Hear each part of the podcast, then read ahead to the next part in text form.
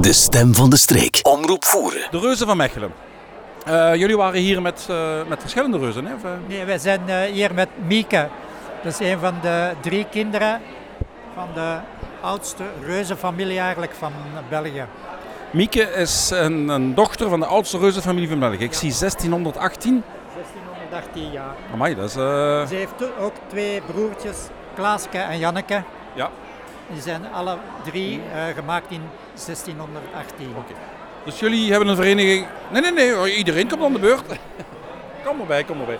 Dus jullie hebben een vereniging, maar jullie hebben verschillende eh, pop... eh, nee, poppen niet. Sorry. Jullie hebben een vereniging met verschillende reuzen. Ja, in totaal eh, Negen. zijn er negen reuzen. Ja. Jullie zijn met vier, dus twee namen voor elk. Maar eh, zij komen eigenlijk weinig buiten. eh want het zijn de historische reuzen die UNESCO Werelderfgoed zijn ook. En die kunnen niet zomaar buiten komen. Dus het is vandaag ook wel een speciaal gelegenheid dat er een historisch reuze mee naar Nijlen gekomen is. Dus het is eigenlijk een, unicum of... eh, Een beetje een unicum, ja. je kunt dat nog tien jaar gaan, eh, organiseren, maar het is niet gegarandeerd dat ze naar buiten komen. Dus, eh, Dat klopt. ja, ja, oké. Ehm, had... Ja, want er is eh vaderreus, moederreusin, dan de drie kinderen.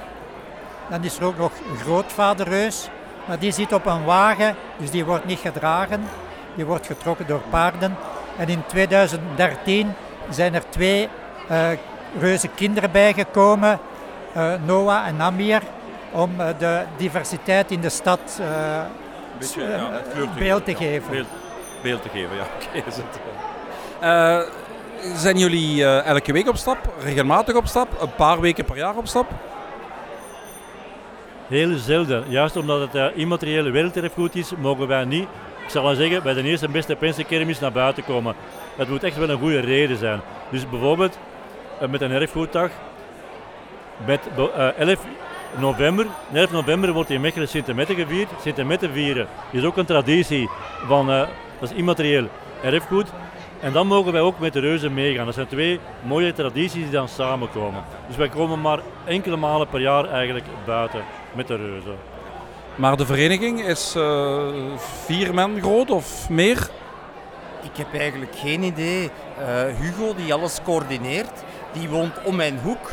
Eh, en die heeft gewoon deze zomer de oren van mijn, de, de oren van mijn kop gezaagd. Om ook te helpen, omdat we met te weinig mensen zijn. Hugo, hoe, met hoeveel mensen zijn jullie dan? Ik denk dat we met ongeveer een, een achttal actieve dragers zijn. Maar natuurlijk kan niet altijd iedereen. Dus we zouden graag hebben dat die pool nog uitgebreid wordt. Ja. Maar acht dragers om dan een paar keer per jaar naar buiten te gaan, dat is net haalbaar. Eh, dat is te doen juist omdat we maar met enkele reuzen buiten gaan. Het is zo dat de traditie in Mechelen is dat om de 25 jaar, om de 25 jaar met de cavalcade en de omgang gaan alle reuzen uit. Maar tussen die 25 jaar mogen af en toe enkele reuzen buiten gaan. Zoals ik juist zeg met Sint-Mette of een keer met een erfgoeddag. Maar dan zijn het natuurlijk maar enkele reuzen en dan zijn we ook niet alle acht nodig. Nou ja. Eén keer om de 25, dat was het begin van het antwoord op mijn volgende vraag. Wanneer is jullie volgende groot feest? Wel, dat is, de laatste uh, omgang was in 2013, dus de volgende is pas in 2038. Oké, we zijn kort erbij dan wat ze geweest is. Tenzij dat de stad beslist om een of andere feestelijkheid de omgang te laten uitgaan. Zoals ook in 2000 gebeurd is met de Keizer Karelfeesten. Also, en uh, is er een mogelijkheid dat er zo'n feest is? Of, uh... Uh, nu direct uh, misschien niet.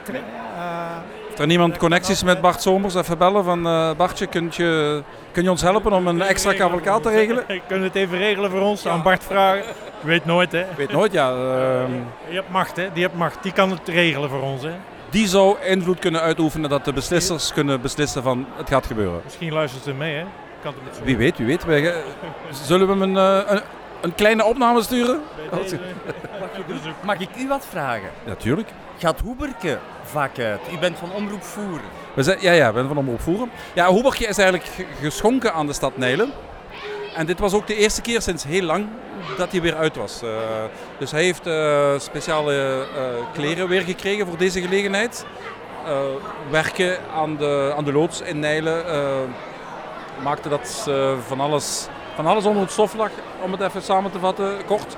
En eh, ja, nu was er een gelegenheid om die allemaal terug uit te halen. En ook hoe werken. Dus, eh, ja. Want ik begrijp dat hij al eh, in 1990 eh, gemaakt is.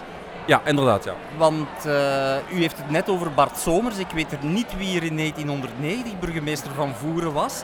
Ik weet ook niet of, of daar subsidies toen voor waren. Nee, dat denk ik niet. Als ik heel even snel terugtel, in 1990 hadden we in de voorstrekkend Franstalige gemeenschap die eh, Vlaamse feestgelegenheden of Vlaamse tradities niet zo steunde.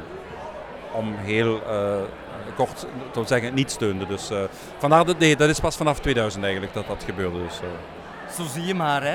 ja, inderdaad. Met tradities. Met tradities. die moeten levend houden. Die moeten levend houden. Dat hebben we nu gezien dat dat eigenlijk wel de moeite is om zoiets terug onder het stof uit te halen en, en, en er levendig iets van te maken. Hè. Dus, en het trouwfeest is toch ideaal, want van het trouwfeest weten we, daar kunnen weer eh, kleine reuzen van komen. En dat is weer een feestgelegenheid. Binnen twee, binnen vier, binnen vijf jaar. Maar de afspraak is in eh, Mechelen om... In 2038. Oké, goed.